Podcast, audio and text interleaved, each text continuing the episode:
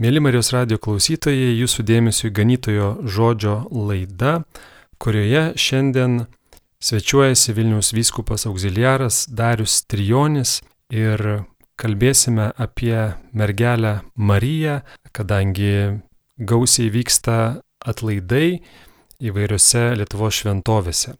Garbėsiu Kristui.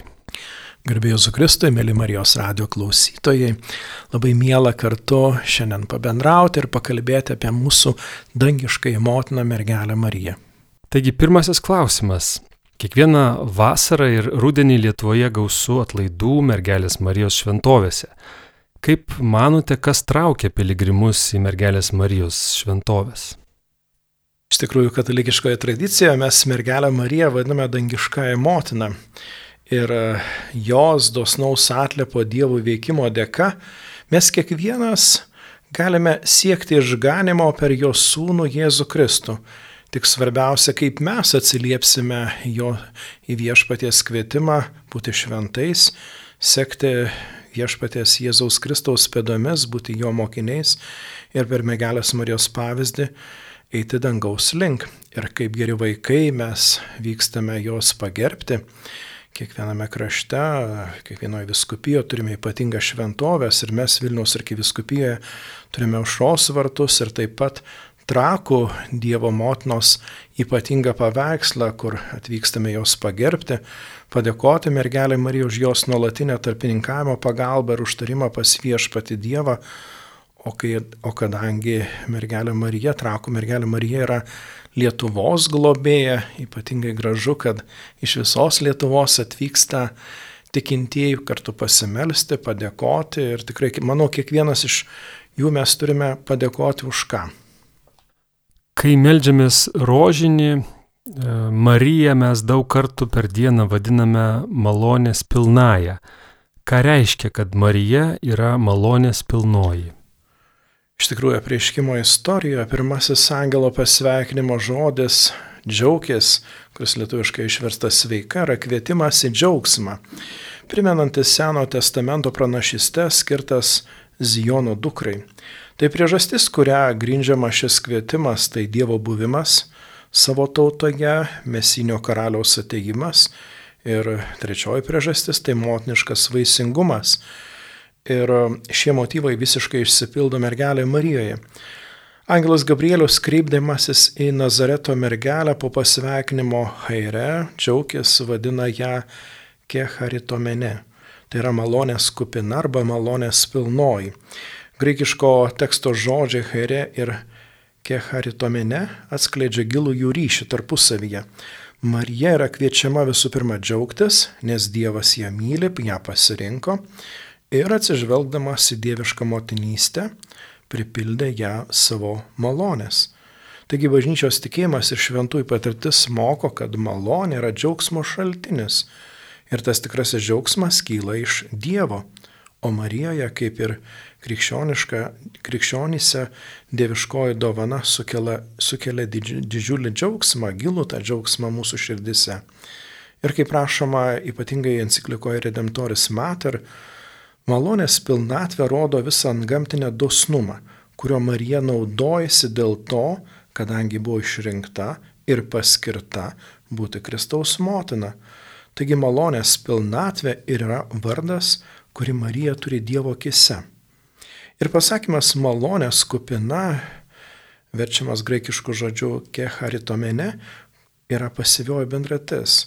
Tačiau norint tiksliau pertikti tą graikiško termino niuansus, galėtume sakyti, kad ne tik malonės, pilna malonės Marija yra, bet pripildyta malonės. Reiškia ta malonė, kuri yra kaip dovana, kuri ateina ir pripildo, kuri vyksta, kuri, kaip sakoma, yra ta dinamiškas tas procesas. Ir mergelės atveju Dievo veikimas tikrai stebina. Marija neturi jokio ypatingo titulo priimti šį skelbimą apie mesijo ateimą. Ji nėra vyriausiasis kunigas, kuris oficialiai atstovauja išrinktąją tautą, tai nėra vyras, bet jauna moteris, neturinti įtakos tuo metu visuomenėje, bet viešpats ją pasirenka. Bet to kilusi iš Nazareto, to miestelio, kuriame, kuris Senajame testamente nėra niekada minimas. Ir būtent viešpats ją pasirinka, pripildo savo malonės. Ir galėtume toliau pratesti tą mintį apie malonės pilnąją, pasiremdami Raniero Kantalamesa knyga Marija bažnyčios veidrodis. Ir būtent šis popiežiaus pamokslininkas labai gražiai kalba, kad malonės skelbime yra paguodos ir padrasinimo. Angelas paragina Mariją džiaugtis gavus tą malonę ir nebijoti, nebijoti eiti prieki, nebijoti pasitikti ateitį su viltimi. Ir taip pat mes esame raginami sekti tuo pavyzdžiu. Ir Marija yra tuo pačiu bažnyčios paveikslas, kurie yra kiekvienai tikinčiai sielai kaip kvietimas, sveikas, malonėmis apdovanotas, kaip Marija, sveika malonėmis apdovanotojai. Ir kit, iš kitos pusės toliau tęsiama ta mintis, nebijok, nes Marija, tu radai malonę pas Dievą. Taigi malonė yra pagrindinė mūsų džiaugsmo priežastis ir iš kitos pusės yra drąsos priežastis. Ir um, jeigu pažvelgsime toliau šventame rašte, ypatingai, ką atsako e, Dievas apaštalui Pauliui, kai šis skundėsi diglių kūnė. Dievas atsako, gana tau mano malonės antrajame laiške korintiečiams yra sakoma, Dievo malonė ir palankumas neligus žmonių padaromomis malonėmis, kurių dažnai kartais nesulaukime tada, kada jų reikia. Dievas kartu yra ir gerumas, ir ištikimybė, kaip sakoma, šminties knygoje, jo ištikimybė yra tvirta kaip dangaus kliautas.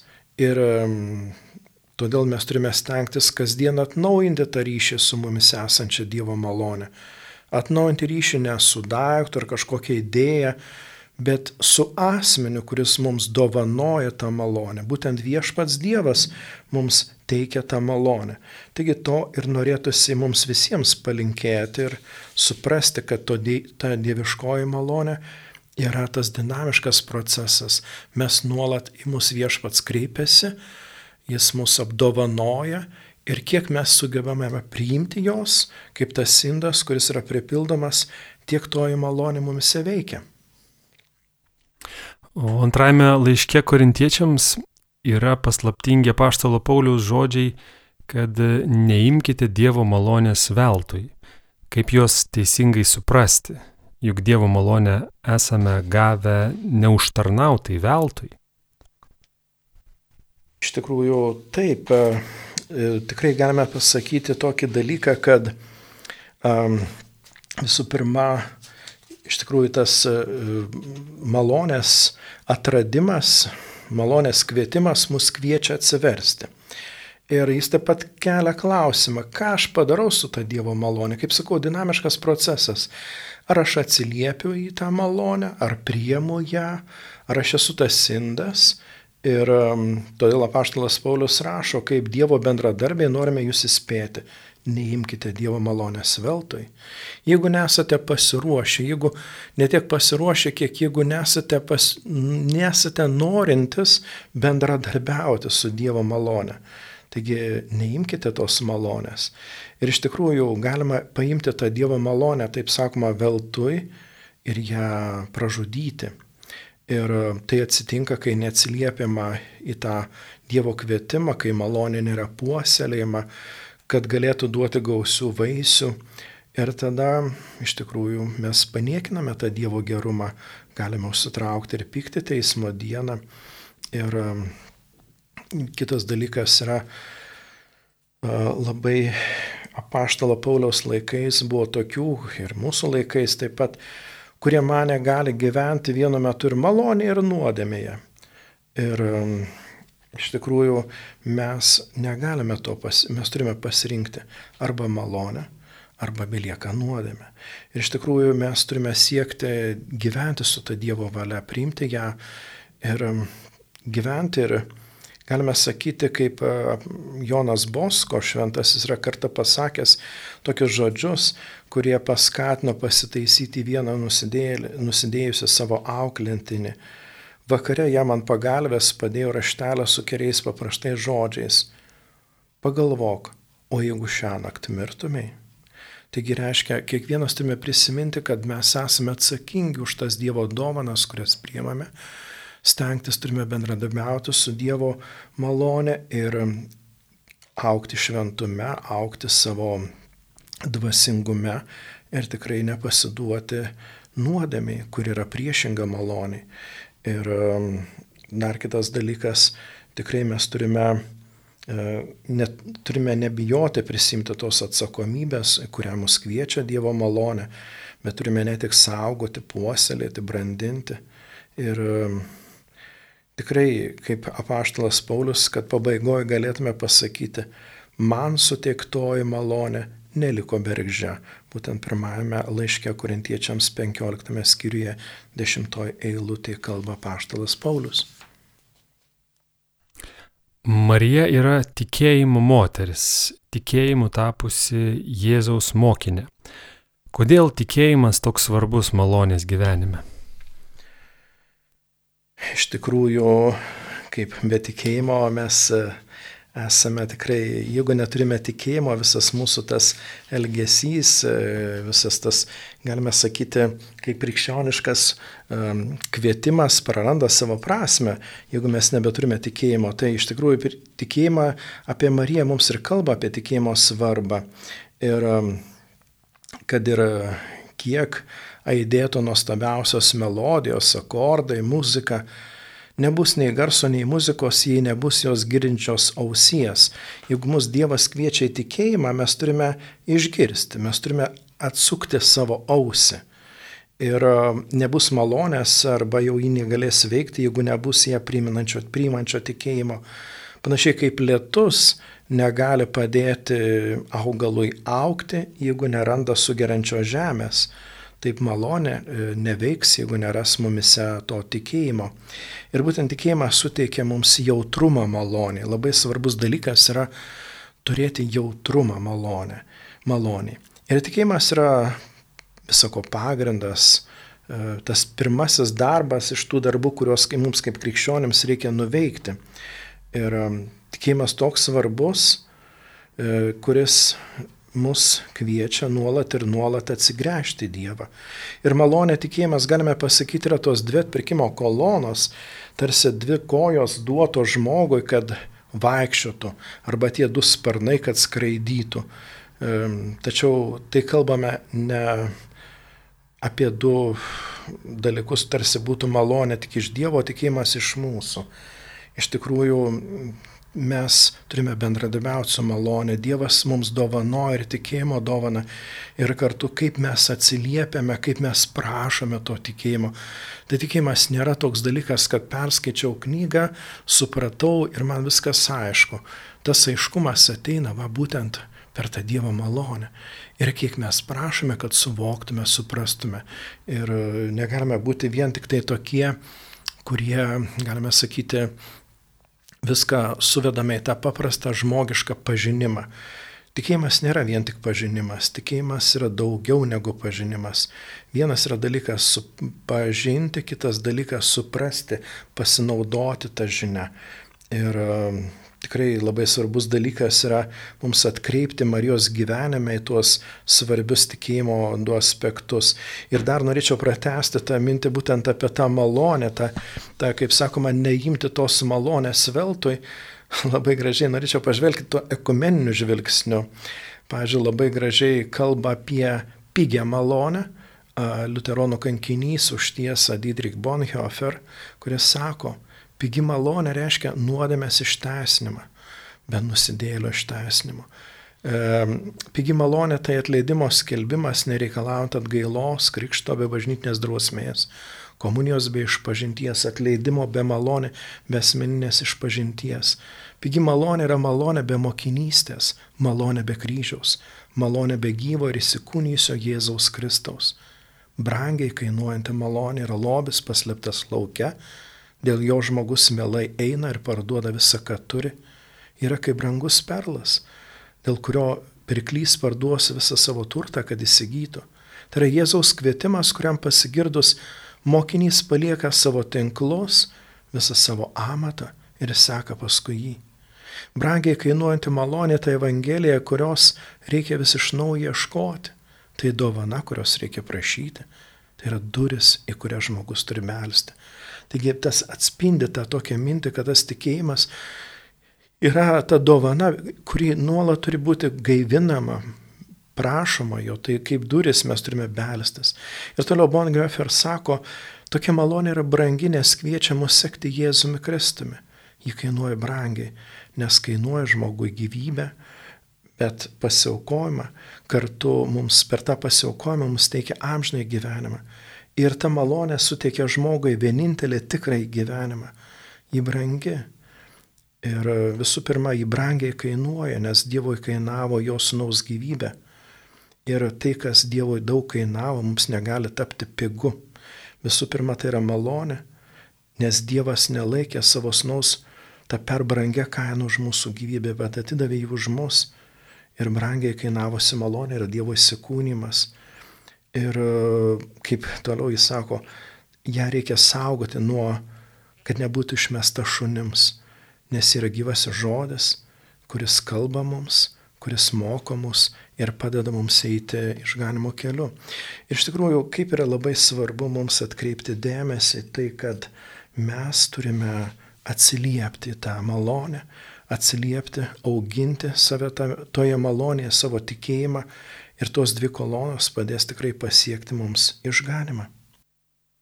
Mėly Marijos radio klausytojai, šiandien ganytojo žodžio laidoje kalba svečiuojasi Vilniaus vyskupas auxiliaras Darius Trijonis. Ką antrasis Vatikano susirinkimas siekęs atnaujinti bažnyčią Kristuje moko apie mergelę Mariją? Čia galėčiau pasidalinti enciklikos Redemptoris Mater žodžiais, kad visų pirma, galima sakyti, Vatikano antrasis susirinkimas remdamasis tradicija, ji, ji sako būtent, kad iš naujo išriškino Kristaus motinos vaidmenį bažnyčios gyvenime. Dieviškos motinystės dovana, kuri mus vienyje su sunumi atpirkėju ir būtent melė ir tobula vienybė su Kristumi Dievo motina yra bažnyčios tas provaizdis. Ir Marija nuo pat pradžių lieka su paštulais laukti sėkminių dienos ir iš kartos į kartą Tai yra tikėjimo takų žengiančioj bažnyčioj kaip neapgaunančios vilties pavyzdys. Taigi Vatikano antrasis susirinkimas mums kalba apie tą dievišką motinystę, apie pavyzdį tos dieviškos motinystės. Kitas dalykas, bažnyčia pati tampa kaip motina, kuri su tikėjimu priima Dievo žodį. Ji tampa vaisinga tuo Dievo žodžiu taip kaip Marija pirmoji tikėjo. Reiškia, Marija prie, pagimdė, kaip čia priėmė kūną, priėmė Jėzų savo tikėjimu ir paskui jį pagimdė kaip, kaip būtent žmogiškai, kaip Jėzų. Bet Marija pirmoji tikėjo, priimdama Dievo žodį per apreiškimą, išlikdama jam ištikima per visus savo išbandymus iki kryžiaus, taip kaip bažnyčia tampa motina, kuri e, su skausmu gimdo e, naują tikinčiųjų, e, naują, tą tikėjimą naujiems laikams. Ir mes kaip tikintieji kartais per išbandymus, per sunkumus gimstame tam naujam gyvenimui. Ir žvelgdami mergelę Mariją, tikrai mes esame, žvelgime kaip į tą pavyzdį. Ir labai gražiai apie tai kalba būtent mm, apaštalas Paulius, e, kuris sako, mano vaikeliai, kuriuos aš jau vėl su skausmu gimdau, kol jumise išiškės Kristaus atvaizdas laiškė Galatams, ketvirtam skyriui 19 eilutėje. Ir būtent tie Pauliaus žodžiai tarsi atspindi tą bažnyčios motinystę ir kiekvieno tikinčiojo, kuris turi priimti tą tikėjimą, išnešioti tą tikėjimą ir e, gimti tuo naujų žmogumi. Galų gale bažnyčia iš Marijos mokosi ir to pavyzdinio sekimo kaip, kaip mokinės ir kontempliuodama paslėptai Marijos šventumą, sekdama jos meilę, ištikimą vykdydama tėvo valią, Marija ir tampa tą mokinę, kartu bažnyčia žvelgdama jos pavyzdį, taip pat mokosi sekti Kristumi. Ir um, Kitas dalykas, dar Vatikanas II kalba apie, kad bažnyčia sekdama Marijos pavyzdžių išlieka mergelė, kurie ištikima savo sužadėtiniui. Taip kaip mergelė įsipareigoja sužadėtinį ir sužadėtinis savo sužadėtiniai, taip bažnyčia įsipareigoja dėl Kristaus sekti jį, laikytis Dievo valios. Taip pat e, bažnyčia yra sergėtoja iš Kristaus gautojo tikėjimo.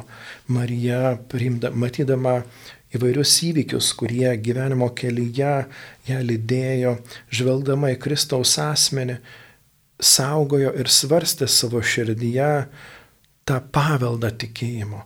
Taigi bažnyčia yra kviečiama taip pat nuolat apmastyti, kontempliuoti ir saugoti savo tikėjimo širdyje. Ir um, tikrai bažnyčia, kaip sakau, žvelgdama į Mariją kaip į pavyzdį, stengiasi būti panašiai, panašiai ją. Ir, um, ir bažnyčios liepinio esmė - gimdyti tikinčiuosius naujam nemirtingam gyvenimui. Taigi bažnyčia kaip motina ir kuri žvelgia Marijos tą pavyzdį, mus gimdo šventojo dvasioje naujam amžinam gyvenimui. Kitas dalykas e, iš tikrųjų labai yra svarbu, rembintis tais tekstais, galime apibendrinti tą dvigubą Marijos ryšį su Jėzumi ir bažnyčia. Jėzui Marija yra ir motina, ir mokinė. Tai bažnyčia Ir kiekvienas tikintysis mes turime mokytis tos motinystės, padėti vieni kitiems aukti tikėjime, gimti tikėjime ir kartu tapti tais mokiniais. Tai yra paveikslas ir pavyzdys Marija. Ir tas pavyzdys mums labai padeda gyventi tuo gyvų tikėjimu, dinamišku tikėjimu. Deja, mergelė Marija yra daugelio ginčių tarp katalikų ir protestantų centre. Tačiau ji padeda mums rasti bendrą kalbą su musulmonais, kurie labai gerbė Jėzaus motiną. Ar jau yra ženklų, kad mergelės Marijos dvasinė motinystė taps tuo, kas jungia pačius krikščionis, skirtingų konfesijų krikščionis? Iš tikrųjų, visoms religijoms yra svarbus dalykas tikėjimas. Ir e, tas tikėjimas, kuris nėra tokia duotybė, kuri vieną kartą gavau ir viskas, ir aš jau, kaip sakoma, pilnai esu pasisėmęs to tikėjimo. Tikėjimas nuolatinis yra tas dinamiškas procesas. Ir kaip jau minėjau anksčiau, Marija mus moko to tikėjimo tvirtumo ir, ir ištvermės tikėjimo kelionėje. Ir kaip įdomu, kad, pavyzdžiui, tiek visi krikščionės, tiek musulmonai ir žydai, o būtent monoteistinės religijos, gerbia kitą mūsų tokį tikėjimo protėvį - Abraomą.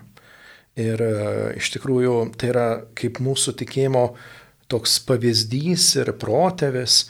Ir iš kitos pusės, žvelgiant į Abraomo tikėjimą, mes galime gretinti Marijos tikėjimą, žvelgti per tą analogijos būdą ir e, pasvarstyti, kaip būtent va, e, atsispindi tas tikėjimas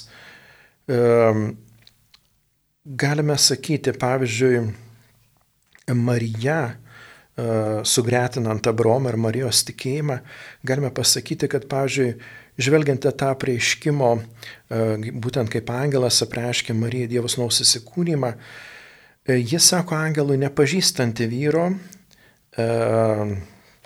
jie nežino, kaip tai, gali, kaip tai vyks, bet iš kitos pusės jį pasitikė.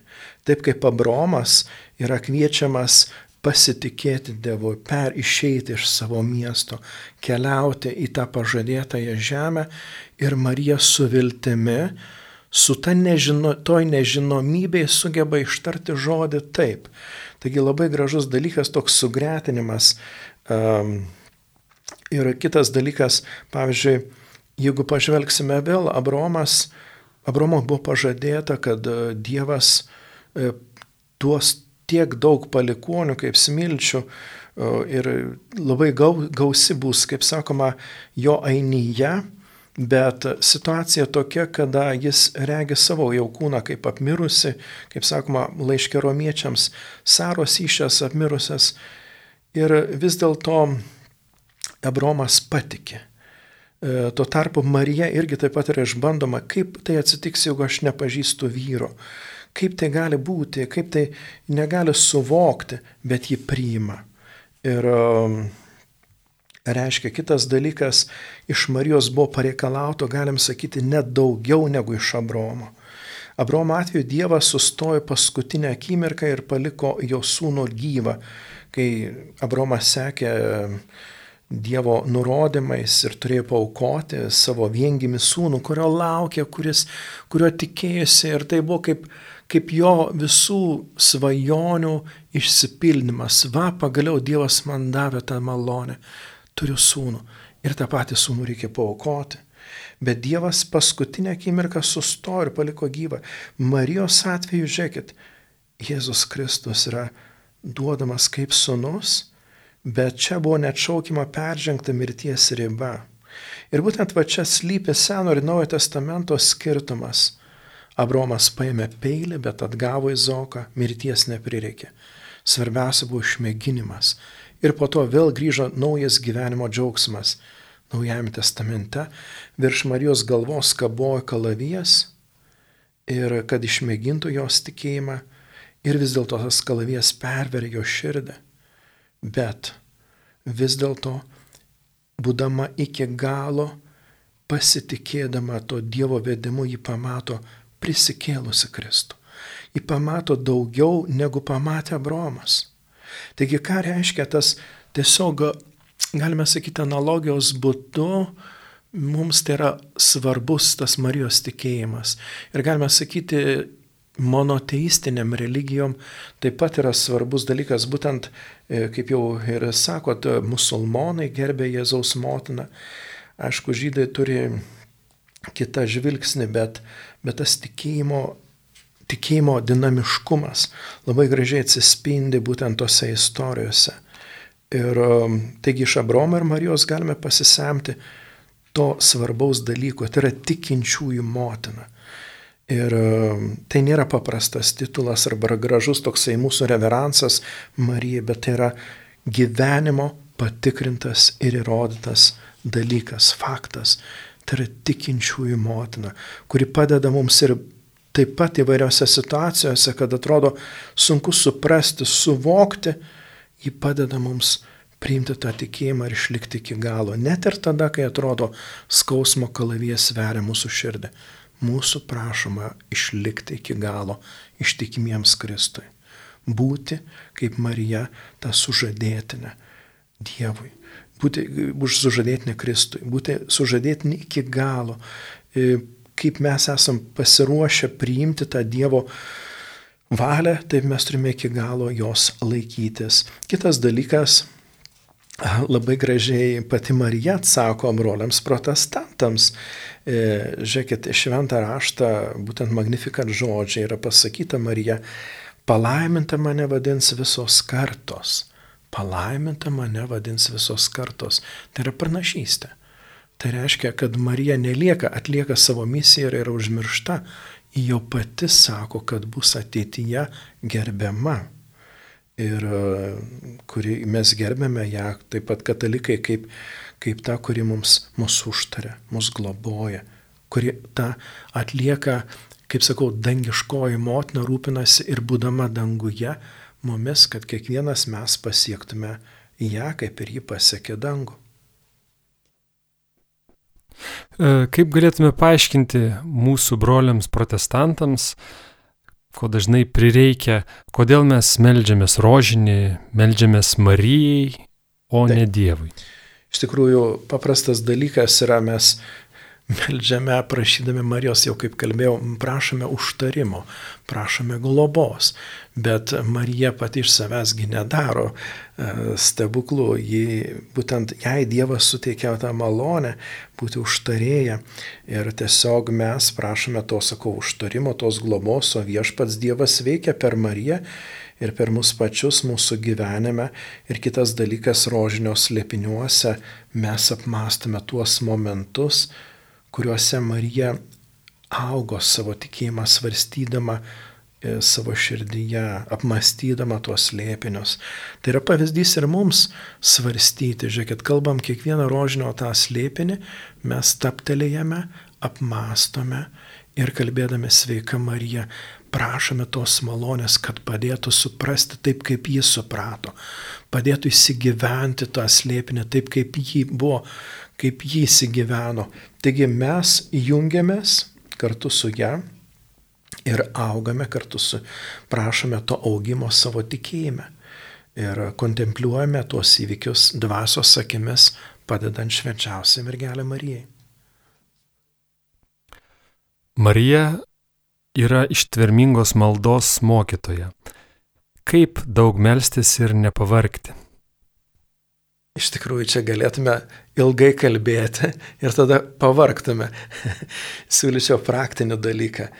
Reikia klausti mergelės Marijos ir tikrai į maldos tyluje mums pasakys kiekvienam iš mūsų tą receptą, galim sakyti, arba tas paslapti, kaip melstis ir nepavarkti.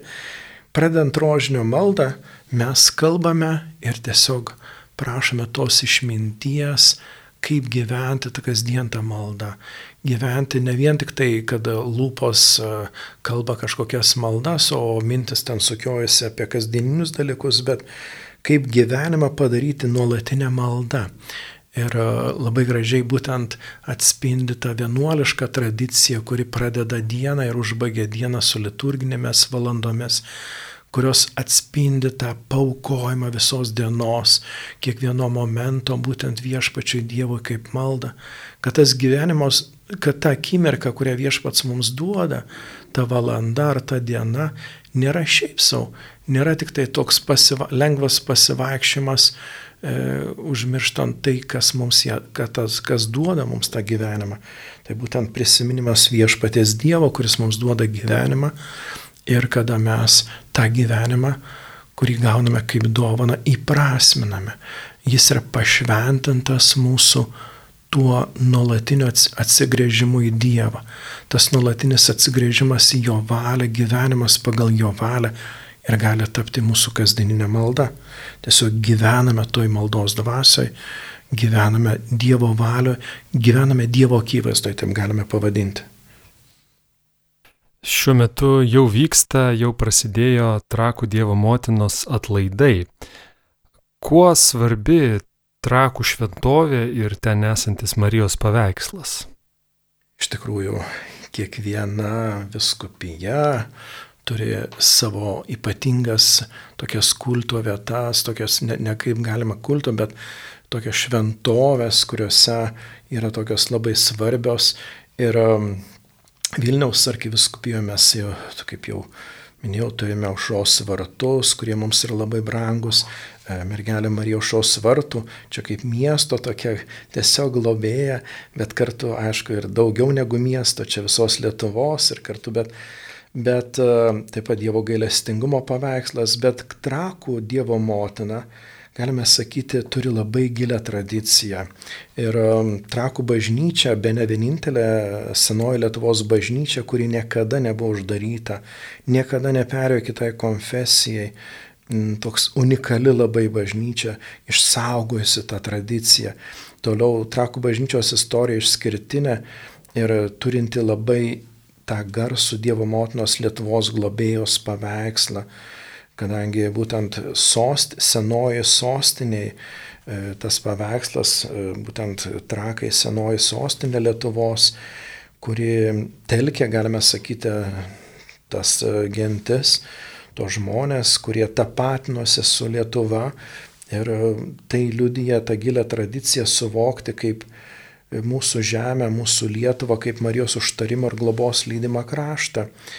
Galų gale paveikslas vainikuotas karūnomis, dengtas meniškais apkaustais, kurį supa daugybę votų, liudijančių, kad daug žmonių čia, kurie atvykę, patyrė ypatingų malonių.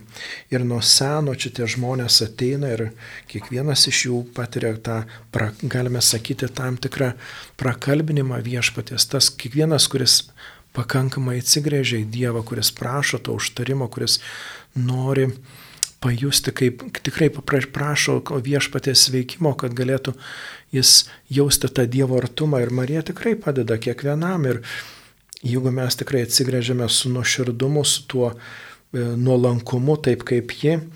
Ir aišku, išlikusi ta yra tokia kaip legenda, kaip pasakojimas, kad būtent paveikslas mergelės Marijos buvo padovanotas Vytautui krikšto proga padovanojęs Bizantijos imperatorius Emanuelis II paleologas. Ir um, būtent anot įrašo tai esanti ta ikona, ta Marijos tas paveikslas kaip pergalingoji Marija, e, kuri padėjus imperatoriui Jonui Komnenui pralaužti persų apgulti ir sėkmingai grįžti Konstantinopolį.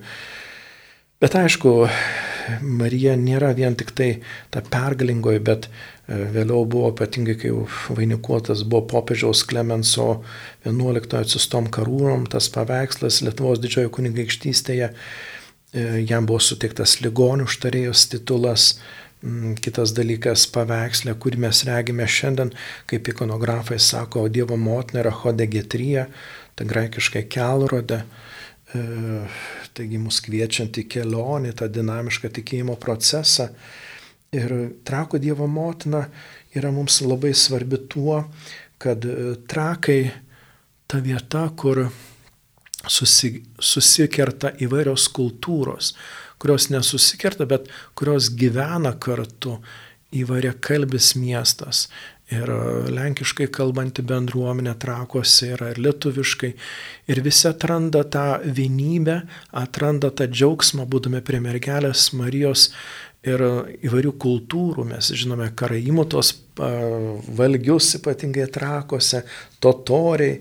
Taigi mes matome skirtingų tradicijų, kultūrų tokį mišinį toje vietovėje ir ta mergelė Marija tarsi mums mus e, globodama kiekvieną tą, kuris kreipiasi ją, prašomas, prašydamas užtarimo, ji mus jungia, ji mus vienyje.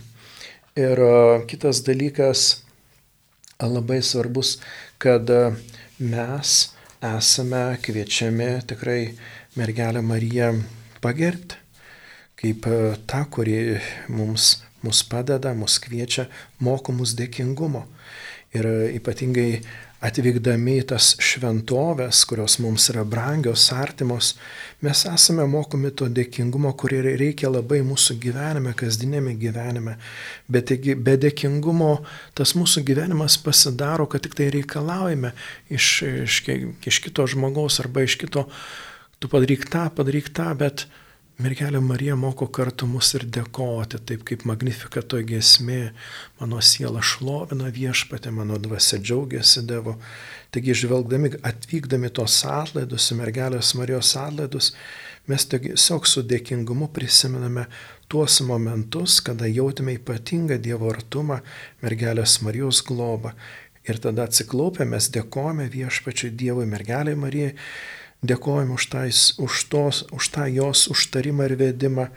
Ir labai norisi pakviesti būtent trakų mergelės Marijos atlaidus, nes štai vasara baigėsi, prasideda rudens toks labai gražus etapas, prasideda ruduo, tarsi naujas tas etapas, e, kviečiantis padėkoti už tą, ką mes gavome per vasarą ir prašant naujų malonių ateities e, mūsų žingsniams ir mūsų uždaviniams. Labai gražus dalykas yra studentai, mokiniai štai pradeda mokslo metus, labai gera proga irgi taip pat atvykti prie mergelės Marijos paprašant, kad jį globotų, duotų tos išminties, suprasti tuos a, dalykus, kurie jie mokysis. Kitie atlaidai prasideda būtent rūpjūčio 31 dienos vakare ir tęsis, tęsis iki rugsėjo 8 dienos, iki mergelės Marijos gimimo iškilmės. Kiekviena diena yra skirta tam tikrom ir intencijom, ir tam tikrom grupėm, kurios labai yra kviečiamos atvykti, e, pasisemti tos tikėjimo malonės ir kartu liudyti savo tikėjimą. Ir um, kiekvieną dieną yra skirta diena kažkuriam Vilniaus dekanatui, kuris labai kviečiamas dekanato tiems tikintiesiems, kurie tas didžiulis branduliukas, kuris atvyktų kartu pasimelsti, bet aišku, kviečiamas kiekvienas yra iš įvairių Lietuvos kampelių, bet va toks dekanato dienos yra, o vakare yra būtent trakų dekanato konkrečių parapijų piligrimų toksai susitikimas. Ir kulminacija būtent yra mergelės Marijos gimimo šventė, bet kartu pati svarbiausia diena yra būtent sekmadienis, rugsėjo 3, kada Marija kada bus pamaldos 10 val. ir 12 val. jas aukos arkivyskupas. Yra labai toks graž, graži tradicija. Aš atsimenu pirmą kartą, kai į Žemaitijos kažkada atvykau į trakus, į tos atlaidus mane nustebino, kad yra tokia specifika būtent trako atlaidų spalvotų šyps, šypsenų šventė. Vilniaus krašto tokio unikalumo, kurioje, kaip sakau, sustinka įvairios tautos, kalbos, tradicijos šventė. Ir e, jaunimas ten pasitikdavo, koncertai būdavo.